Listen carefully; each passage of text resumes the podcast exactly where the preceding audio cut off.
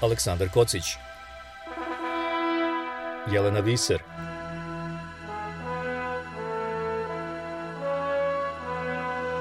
Radio Karantin, hronika istorije u nastajanju. Radna tragedija u Ukrajini potpuno je pomela medijske vesti o koronavirusu, a tome je doprinala i činjenica da je nakon galopirajućeg omikrona nastupilo zatiše, odnosno da je sve manje zaraženih, hospitalizovanih i umrlih. Ali šta će biti s pandemijom narednih meseci, niko ne daje previše optimistične prognoze, sa obzirom na činjenicu da je virus više puta prevario vrhunske stručnjake. Trenutno su svi jedinstveni u stavu da je oprez nužan i da ne mogu da garantuju da se pandemija bliže kraju ili da su se stekli uslovi da barem postane endemska bolest. I dok su evropske zemlje mahom ukinule sve mere, u Hong Kongu je situacija ponovo dramatična i bolnice su prepune. Da li će nas neki novi soj virusa iznenaditi, ostaje da se vidi. Moje ime je Jelena Fiser, dobrodošli.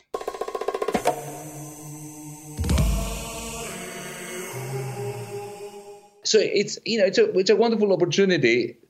The, the fact that Ukraine has concentrated our minds on what the Russian oligarchs are doing to contemplate moving beyond them.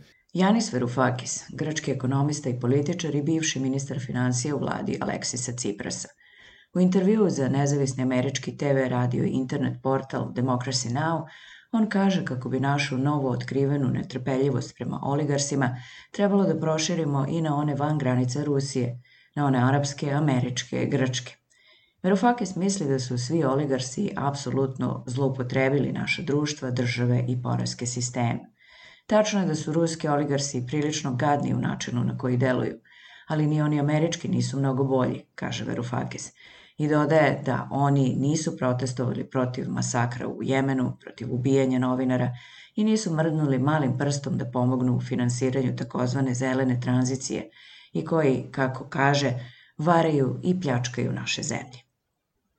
Istina, pitanje je zašto su nazivi oligarh ili tajkun u mainstream medijima rezervisani samo ili uglavnom za milijardere sa istoga, a zašto se ovi zapadni nazivaju samo milijarderima ili industrijskim ili poslovnim magnatima i u najgorem slučaju mogulima.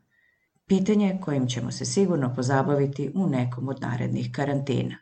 Ali pre toga da pobrojimo ove megalovatore i izračunamo koliko su zaradili tokom pandemije. Oh, yeah. Radio karantin.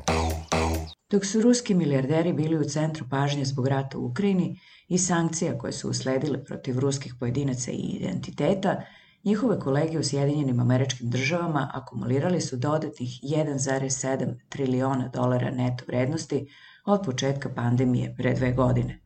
Ovo označava povećanje od 57% u poređenju sa podacima Forbesa iz marta 2020. koje je prikupila američka organizacija Americans for Talk Fairness. Američka organizacija za istraživanje tržišta i potrošača Statista piše da se na vrhu ove specifične grupe nalaze izvršni direktor Amazona Jeff Bezos i Microsofta Bill Gates sa 165 milijardi dolara, odnosno 130 milijardi dolara. Suosnivači Google, Larry Page i Sergey Brin su na petom i šestom mestu sa 114, odnosno 109 milijardi dolara, dok šef multinacionalnog konglomerata Berkshire Hathaway, Warren Buffett, u maju 2022 ima neto vrednost od 118 milijardi dolara. Verovatno najveća priča o uspehu je uspon Ilona Maska tokom poslednje 24 meseca. Teslin izvršni direktor povećao je svoju neto vrednost za 851% sa 24,6 na 234 milijarde dolara, uglavnom zahvaljujući uspehu akcija njegove kompanije, uprkos tome što je proizvođač automobila morao da se oslanja na kredite kako bi ostvario neto prihod u 2021. godini. Iako je ovako velike brojke možda teško shvatiti, ATF je sastavio neka poređenja kako bi ovaj razvoj jasnije predočio. Na primer, procenjuje se da će plan američkog predsednika Bidena Build Back Better koštati 2 triliona dolara u narednih 10 godina. Neto dobitak svakog američkog milijardera u poslednje dve godine mogao bi da finansira većinu ambicioznog plana, a da profiteri u ovom procesu ne postanu siromašniji. Ogroman disparitet u bogatstvu takođe je očigledan kada se uporede američkih 704 milijardera sa 65 miliona domaćinstava, koje čine donju polovinu američkog društva u smislu prihoda. Kombinovana neto vrednost ovog poslednjeg iznosi oko 3,4 triliona dolara, dok vrednost klase milijardera iznosi 4,6 triliona dolara. Radio karantin. 20 novih takozvanih milijardera pandemije stvoreno je u Aziji, zahvaljujući međunarodnom odgovoru na pandemiju, dok je 140 miliona ljudi širom kontinenta uronjeno u siromaštvo jer su poslovi izgubljeni tokom pandemije, navodi Oxfam. Izveštaj ove humanitarne organizacije navodi da je do marta 2021. godine profit od farmaceutskih proizvoda, medicinske opreme i usluga upotrebljenih u borbi protiv covid stvorio 20 novih milijardera, dok su pandemijske restrikcije i ekonomska stagnacija uništile sredstva za život stotina miliona drugih. Iz Kine, Hong Konga, Indije i Japana među novim milijarderima su Li Jianhuan, čija firma proizvodi ličnu zaštitnu opremu za zdravstvene radnike, i Dai Lis Hong, čija kompanija pravi COVID-19 testove i diagnostičke komplete. Ukupan broj milijardera u Azijsko-Pacifičkom regionu porastao je za skoro trećinu, sa 803 u martu 2020. na 1087 do novembra prošle godine – a njihovo kolektivno bogatstvo poraslo je za 74 odsto, navodi se u izveštaju Oxfama. U izveštaju se takođe navodi da 1% najbogatijih poseduje više bogatstva od 90% najsiromašnijih u regionu. Mustafa Talpur, vođa kampanja u Oxfam Azija, rekao je da je nečuveno i krajnje neprihvatljivo da su siromašni ljudi u Aziji ostavljeni na milost i nemilost pandemiji, suočeni sa ozbiljnim zdravstvenim rizicima, nezaposlenošću, glađu i gurnuti u siromaštvo i da su decenije napora u borbi protiv siromaštva izbrisane. Dok bogati i privilegovani uvećavaju svoje bogatstvo i štite svoje zdravlje, najsiromašniji ljudi u Aziji, žene, nisko kvalifikovani radnici, migranti i druge marginalizovane grupe su najteže pogođeni, dodao je on. Procenjuje se da je 2020. godine nestalo oko 81 milion radnih mesta, a gubitak radnih sati je gurnuo dodatnih 22 do 25 miliona ljudi u radno siromaštvo, prema Međunarodnoj organizaciji rada. Umeđu vremenu milijarderi iz Azijsko-Pacifičkog regiona povećali su svoje bogatstvo sa 1,46 triliona dolara dovoljno da obezbede platu od skoro 10.000 dolara svima koji su izgubili posao. Covid je odneo više od milion života samo u Aziji, a nebrojeno više smrtnih slučajeva će biti posledica povećanog siromaštva i poremećaja zdravstvenih usluga. U izveštaju se navodi da je veća verovatnoća da će žene i devojke izgubiti posao ili prihod, jer žene takođe najčešće rade u prvim redovima, što ih dovodi u dodatni rizik. U Azijsko-Pacifičkom regionu žene čine više od 70% zdravstvenih radnika i 80% medicinskih sestara. Razlika u bogatstvu će i dalje rasti. Talpur kaže, politički sistem štiti interese male bogate elite. Vlade su konstantno propustile da rade za većinu tokom pandemije.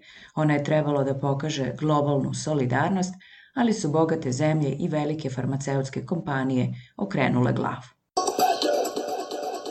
Radio Karantin. I magazin Forbes navodi da COVID-19 nije zaustavio širenje milijardera koji su se umnožili zapanjujućom brzinom tokom prve godine pandemije. Rekordne 493 osobe pridružile su se Forbesovoj listi svetskih milijardera u 2021. što znači da je svet u proseku dobio novog milijardera svakih 17 sati, od kako je Forbes poslednji put napravio a, pregled bogatstva milijardera 18. marta 2020. Prethodni rekord za većinu novih milijardera za godinu dana bio je 290 u 2015. Prosečna neto vrednost ovih 493 Novajlija je 2 triliona dolara, njihova prosečna starost 54 godine.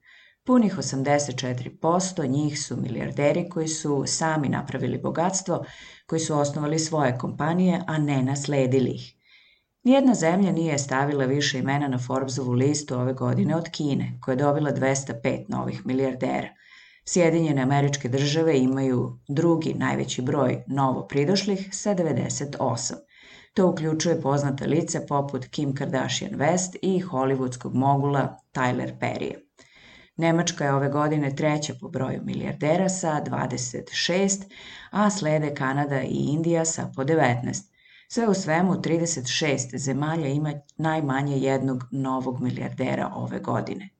Najmlađe sveže lice na listi je Kevin David Lehman, naslednik vodećeg nemačkog lanca drogerija DM Drogerie Markt, koji ima samo 18 godina.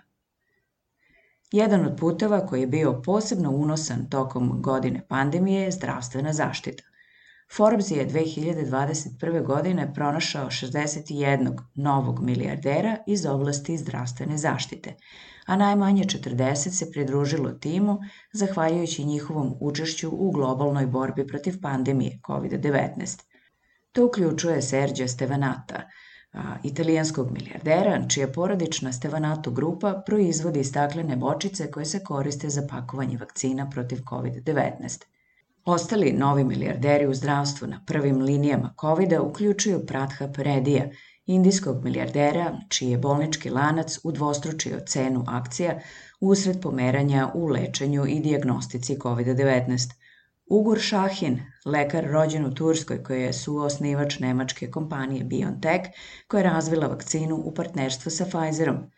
Stefan Banzel, francuski izvršni direktor američke firme Moderna, koja je vakcina protiv COVID-19 odobrena u Sjedinjenim američkim državama u decembru prošle godine, plus dva suosnivača kompanije i jedan od njenih ranih investitora, navodi Forbes.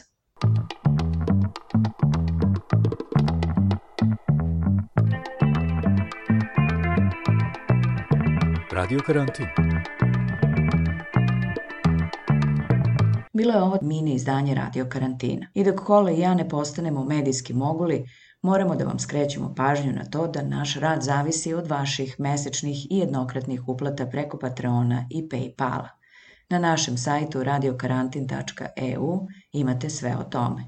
Tamo imate i sve naše emisije. Slušajte ih i budite dobro. Pozdrav! Aleksandar Kocić Jelena Viser